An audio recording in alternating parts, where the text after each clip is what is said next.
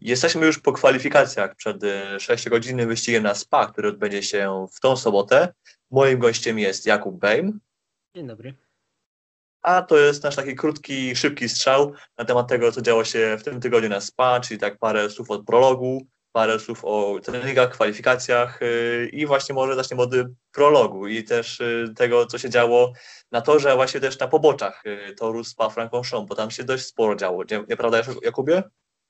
E, powiem, że w, pewnych momentach działo się na poboczach więcej niż na samym torze, no bo e, nie przypominam sobie żadnego prologu w historii WEC, żeby było aż tyle dzwonów.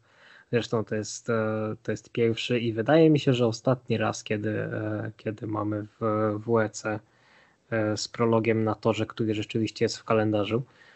E, wydaje mi się, że po tej ilości dzwonów to, e, to raczej nie będziemy mieli już więcej prologu na spa. Być może w ogóle już nie, nie wrócimy do tego, żeby, żeby rzeczywiście było, e, było organizowane na torze z kalendarza.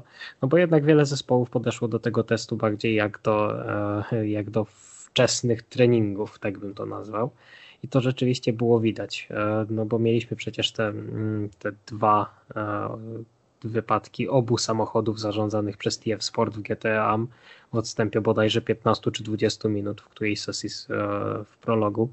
Jeden samochód został zresztą skasowany. Mieliśmy mm, parę innych incydentów, między innymi z, z Iron Lynxem 85, e, z Katrin Lege za kierownicą i e, mm, z Jobem Van Uitertem w, w LMP2 numer 29.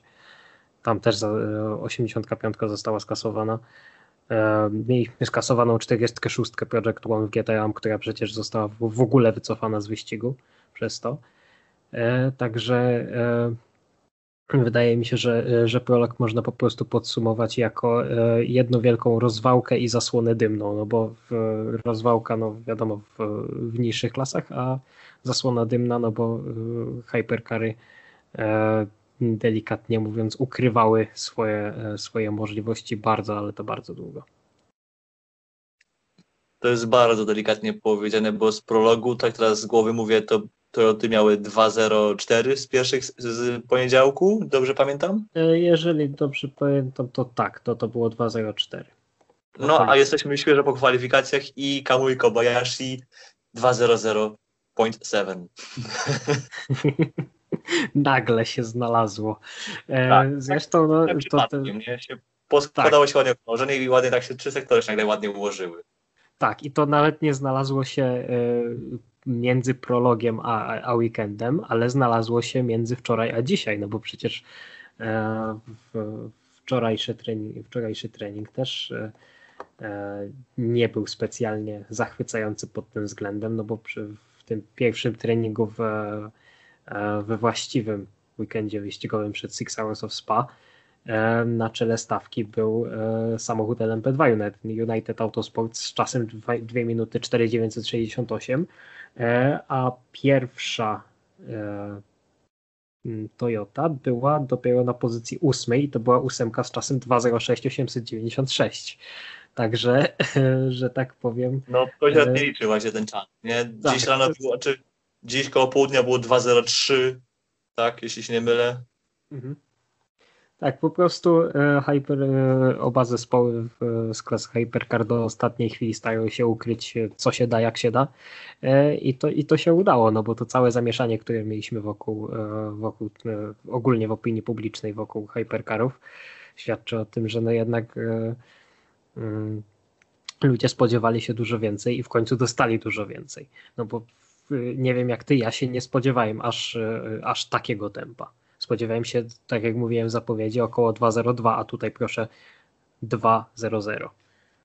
Ja spodziewałem się takiej granicy 2.01 na 2.02, czyli e, to by było, to by teraz dało 30 zapasu właśnie Toyotą nad, e, nad właśnie Unitedem. Co do tego ukrywania czas tempa, tego udanego ukrywania tempa, to, to Alpilionowi udało to się jeszcze lepiej, bo właściwie do ostatniej sekundy sesji nie wiedzieliśmy właśnie z jakim czasem na tej Nikola pierwszy skoczy i finalnie to było y, już mówię 2.02 i 60, gdzie właśnie po raz kolejny mówię United 2.02 i 40.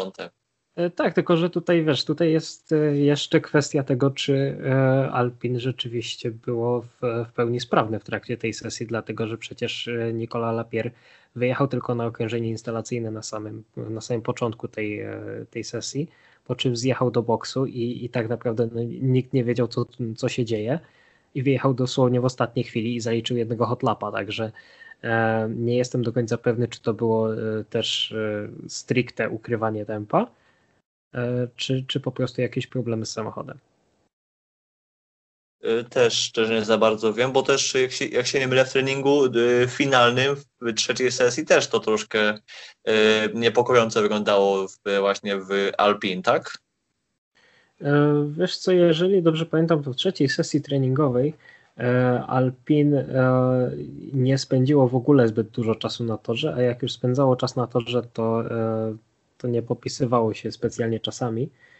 E, I, I, patrząc na czasy e, właśnie z, właśnie z trzeciego treningu, e, z godziny 14, to jest Alpin na pozycji.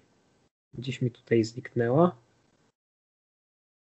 Sam fakt, że mi zniknęła, się dobrze o tym świadczy, to jest 2 minuty 4 i 110. Pozycja szósta w trzecim treningu wolniej od raz, dwa, trzech samochodów LMP2, także e, no, no to też nie było tempo, które, które pozwalałoby walczyć o cokolwiek.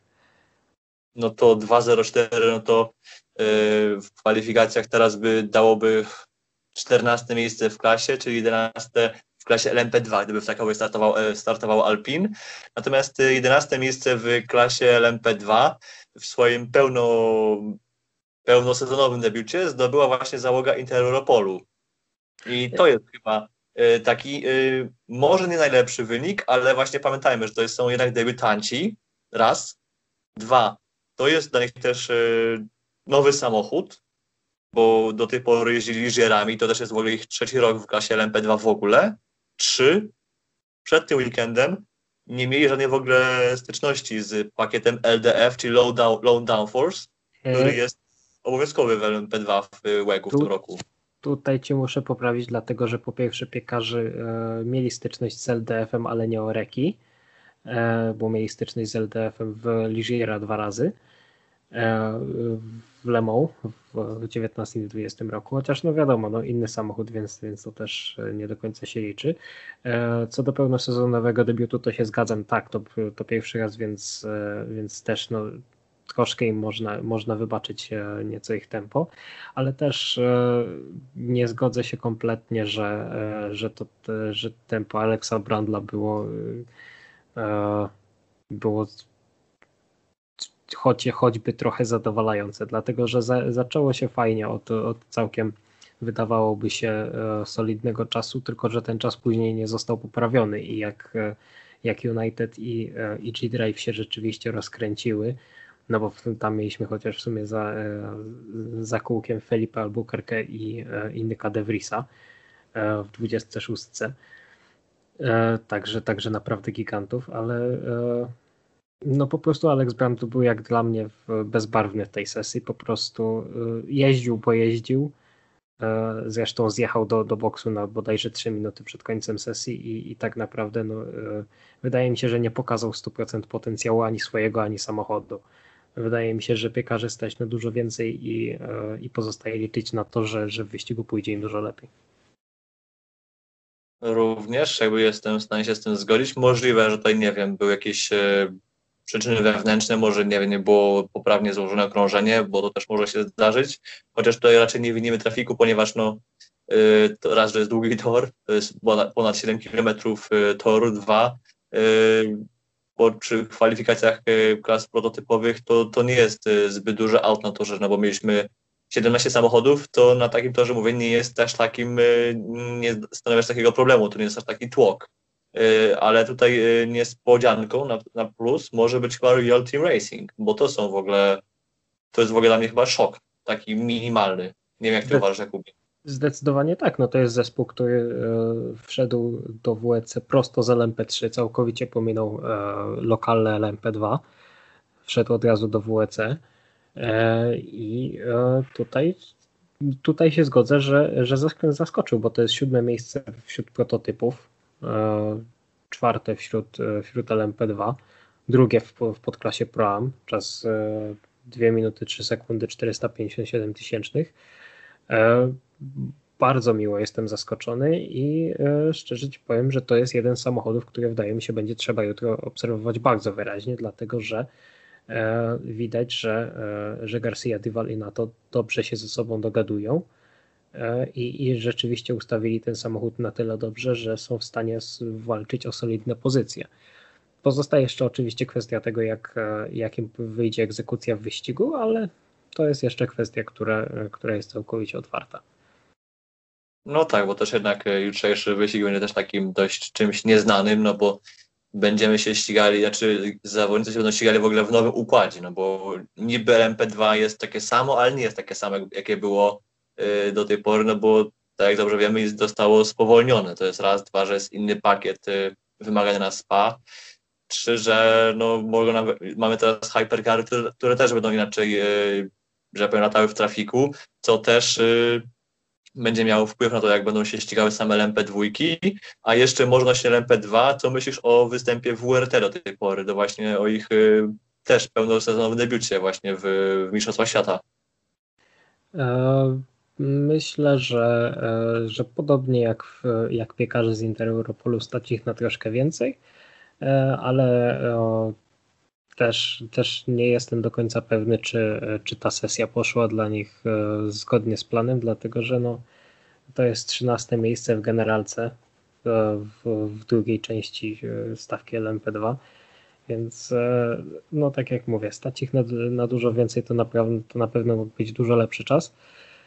E, ale no, należy znów pamiętać o tym, tak samo jak przy Real Team, że, e, że tutaj o, o zwycięstwie zadecyduje egzekucja, no bo wyścig ma całe 6 godzin, wiele może się zdarzyć i, e, i, i WRT wydaje mi się będzie w stanie bez problemu jakoś, jakoś odbić się z tej, z tej startowej pozycji. Dokładnie, wiele się może zdarzyć, plus też y, wielokrotnie się może pogoda zmienić. Właśnie propos pogody, to też się prognozowało, że możemy mieć gdzieś tam deszcz w trakcie weekendu. Y, prawdopodobnie jednak chyba jutro go nie będziemy mieć, ale co do deszczu, to jeśli się nie mylę, to gdyby takowy był, to samochody GT mógłby tam dojść y, lekko do głosu. Dobrze myślę? Dobrze słyszałem? E, nie wydaje mi się. Wiesz co, e, nawet gdyby spadł deszcz, no to owszem, prototypy jeździłyby wolniej, ale GT też jeździłyby wolniej, więc to nie jest kwestia tylko i wyłącznie tego, że e, ach, prototypy zwolnią i będziemy mieli GT na czele w generalce. Dlatego, że należy pamiętać o tym, że no, nawet gdyby, nawet gdyby same prototypy z, e, trochę zwolniły, no to trzeba pamiętać też o tym, że GT nie są w stanie trzymać tak wysokich prędkości w zakrętach, no bo nie mają na, na tyle docisku, mają całkowicie inną charakterystykę, jeżeli chodzi o, o, o pakiety aero, więc y, ostatecznie, żeby jakkolwiek można było liczyć na E, na GT na, na czele stawki w generalce, musiałoby dojść do, do apokalipsy porównywalnej z Petit Le Mans 2015, a na to bym raczej nie liczył. No tak, prawda, ale też, y, bo słyszałem taką rzecz, że jednak samochody GT są trochę lepiej spasowane odnośnie swoich opon, które mają w tej klasie, a no prototypy właśnie i LMP2 i Hypercary Y, nie są do końca spasowane tak jak właśnie samochody GT i to jest właśnie dlatego, na tym, dlatego tak y, powiedzmy troszkę optymistycznie poszedłem właśnie tych szans y, Aut GT odnośnie deszczu, ale też odnośnie GT, no to tu trzeba powiedzieć, że Kevin Esther w ogóle, wow, jego krążenie w kwalifikacjach to było zmiotło mnie.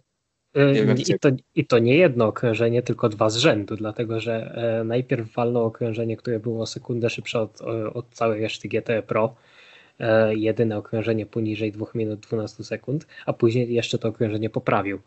Także e, ostatecznie mamy, mamy 92 na pole position w GT Pro z przewagą sekundy i 132 tysięcznych. Także biorąc pod uwagę to, że, no jest to, że to jest klasa, w której BOP zawsze było wyrównane i, e, e, i rzeczywiście te czasy e, mało się od siebie różniły. Zresztą jak popatrzymy dalej w, w głąb klasy, to, to rzeczywiście różnice są praktycznie żadne. To rzeczywiście Kevin Esther popisał się i to ostro.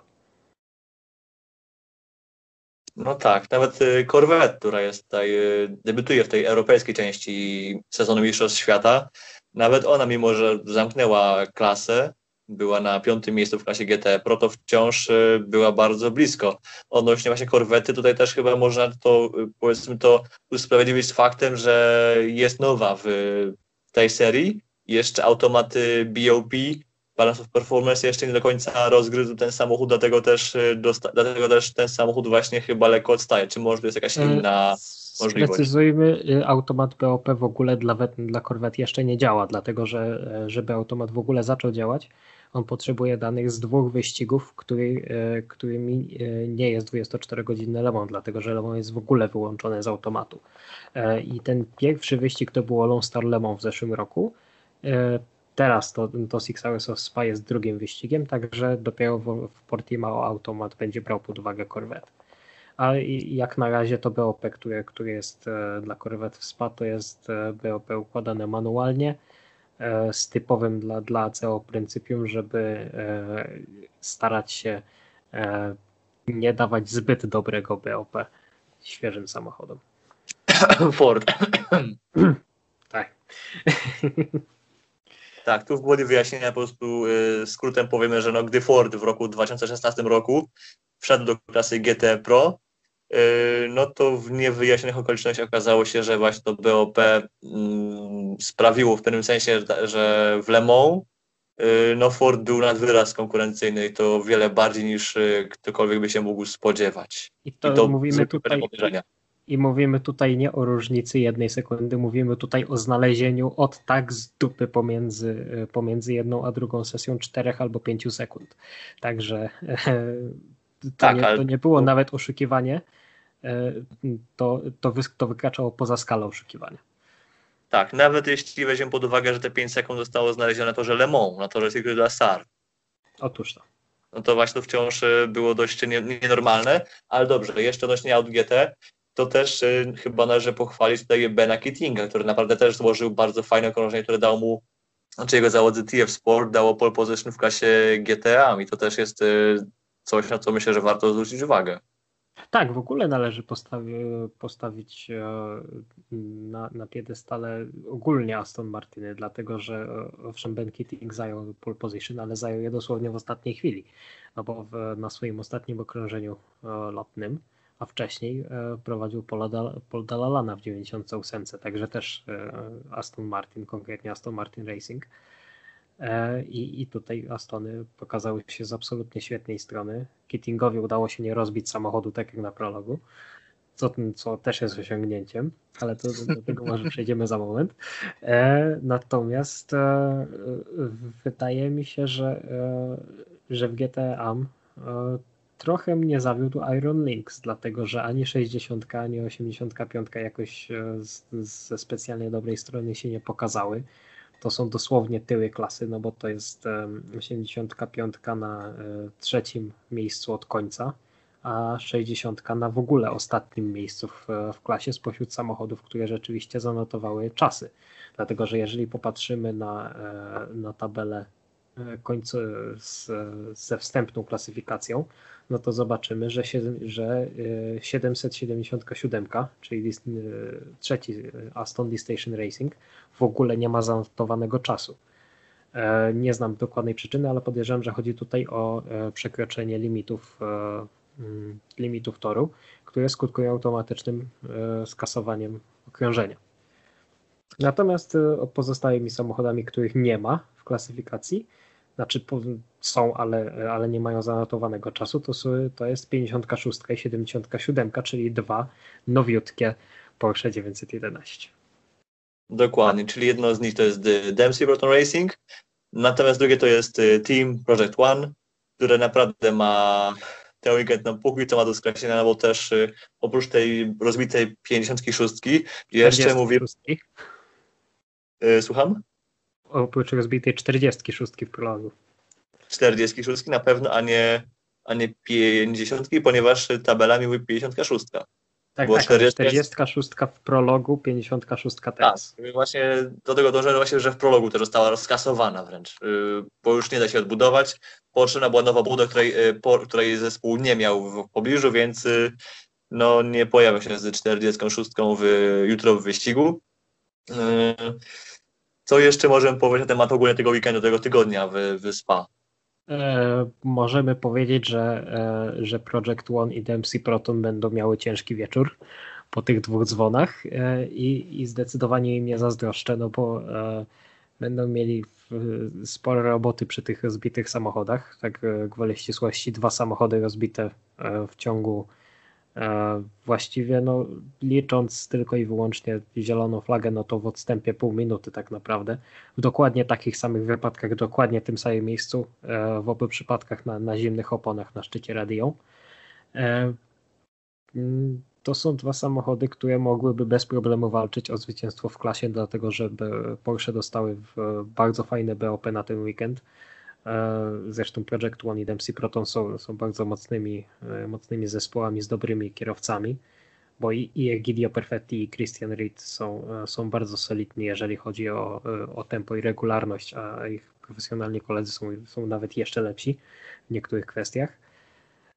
Także no jestem jestem delikatnie mówiąc zawiedzony, że, że akurat te samochody się rozbiły. Jestem w ogóle zawiedzony, że jakiekolwiek się rozbiły, ale no, no po tych zespołach tego się nie spodziewałem.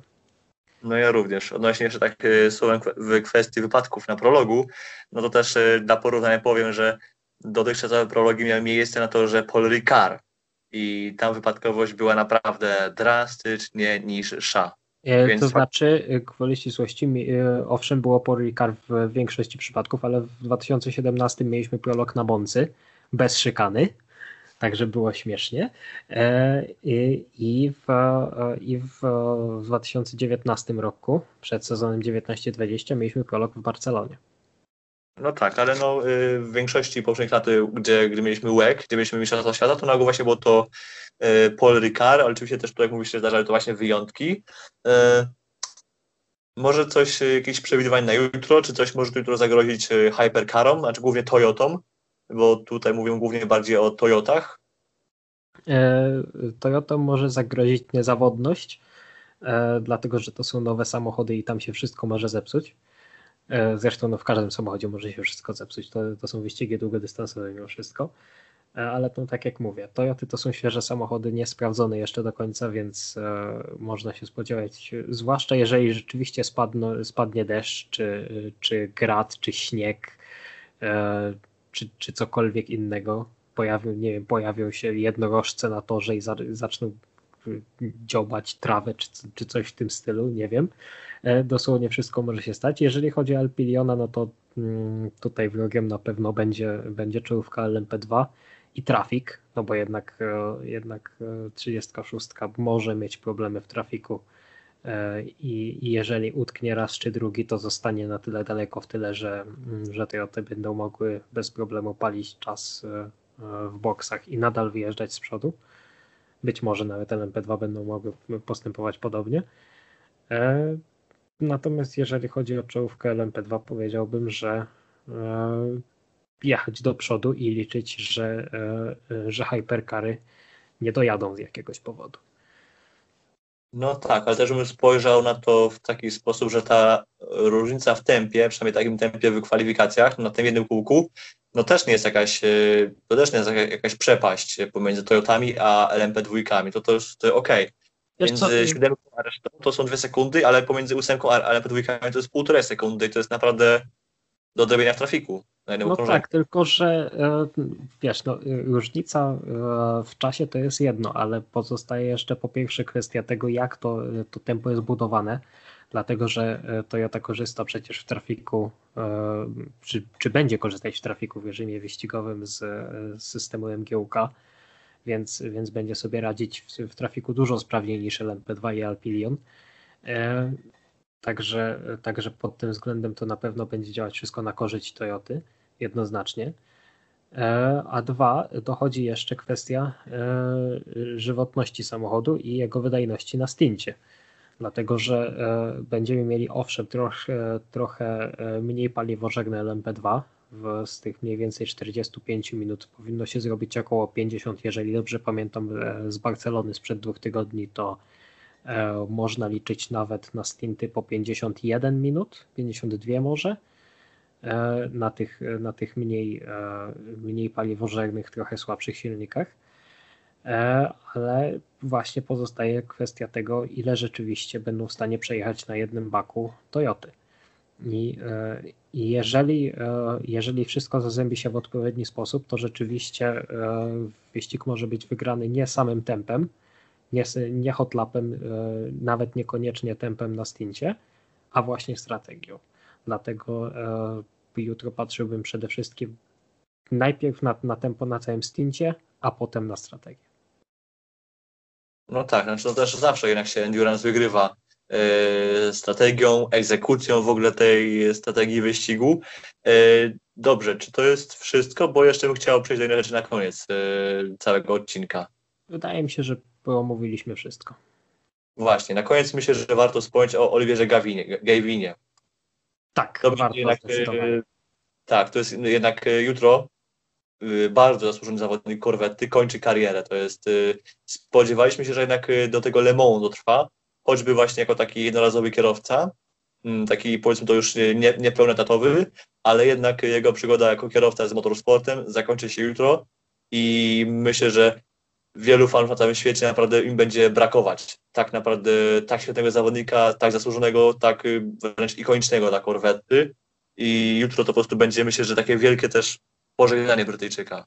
Tak, i zdecydowanie szkoda, że, że to pożegnanie jest w takich, a nie innych warunkach, no bo jakby nie patrzeć, no tak jak powiedziałeś, no kto jak kto, ale Oliver Gavin jednak, jednak zapracował sobie na, na reputację człowieka bardzo, bardzo, raz, że otwartego na fanów, dwa, że, e, że bardzo profesjonalnego i, i potrafiącego wycisnąć z samochodu co się da. E, więc no, kto jak kto, ale wydaje mi się, on zasługuje jednak na, na pożegnanie publiczne i z pompą, tak bym to nazwał. I, tak. I, rzeczywiście jestem trochę zdziwiony, że, że zdecydował się zakończyć karierę definitywnie teraz, no bo przecież w zeszłym roku już, już ogłosił, że, że kończy karierę regularną jako kierowca etatowy Corvette Racing. I to miały być jeszcze jakieś jednorazowe występy i rzeczywiście no, kończy się teraz. E, no szkoda, że, że nie będzie tego jeszcze jednego Lemą, e, ale no kto wie, czy nie zobaczymy go w Lemą w jakiejś innej roli, może jako komentatora, może jako, e, jako pracownika Corvette Racing, no bo przecież jest, jest nadal zaangażowany w, mm, w strukturach Corvette jako, e, jako poniekąd klient, dlatego że przechodzi z roli kierowcy wyścigowego do roli właściciela szkoły jazdy, w ramach Oliver Gavin Driving Academy, która będzie używać na sam początek 12 nowych Corvette C8, e, które będą sprowadzane niedługo do Niemiec. E, więc e, wydaje mi się, że, mm, że no na pewno będzie, będzie go brakować w padoku. I powiedzmy sobie szczerze, to jest kierowca, który trafia się raz, raz na 100 lat E, i, i drugiego takiego nie będzie. I to nie są słowa na wyrost, bo jednak Oliver Gavin e, ma, ma wielkie zasługi i, i to jest naprawdę ogromna postać, którą właśnie teraz tracimy. Tak, e, mam nadzieję, że gdzieś utrzyma się na orbicie Mistrzostw Świata, czy też Mistrzostw Ameryki. Odnośnie tutaj jego roli komentatorskiej, to już mieliśmy przyjemność go posłuchać w tym roku, no właśnie w tym roku, podczas Mistrzostw Asia Le Mans Series, gdzie też komentował z Grahamem Goodwinem komentował wszystkie wyścigi, kwalifikacje właśnie tejże serii i naprawdę było od razu słychać e, ten profesjonalizm, to obycie z, z tym środowiskiem oraz ogólnie właśnie wielką wiedzę. To jest zawodnik, którego będzie po prostu brakować e, jako właśnie jako zawodnika, ale mam nadzieję, że gdzieś go właśnie utrzymamy, gdzieś go właśnie, gdzieś on się utrzyma na orbicie właśnie motorsportu. I to myślę, że chyba będzie już wszystko, nieprawdaż? Powiedzmy, że tak. Tak, no to jutro wyścig startuje, czy jutro, czy też dziś, bo zależy kiedy tego słuchacie. Sobota, godzina 13.30, ale zielona flaga, czy y, samo rozpoczęcie ogrożenia formującego 13.26. Y, moim gościem był Jakub Bejn. Dziękuję bardzo.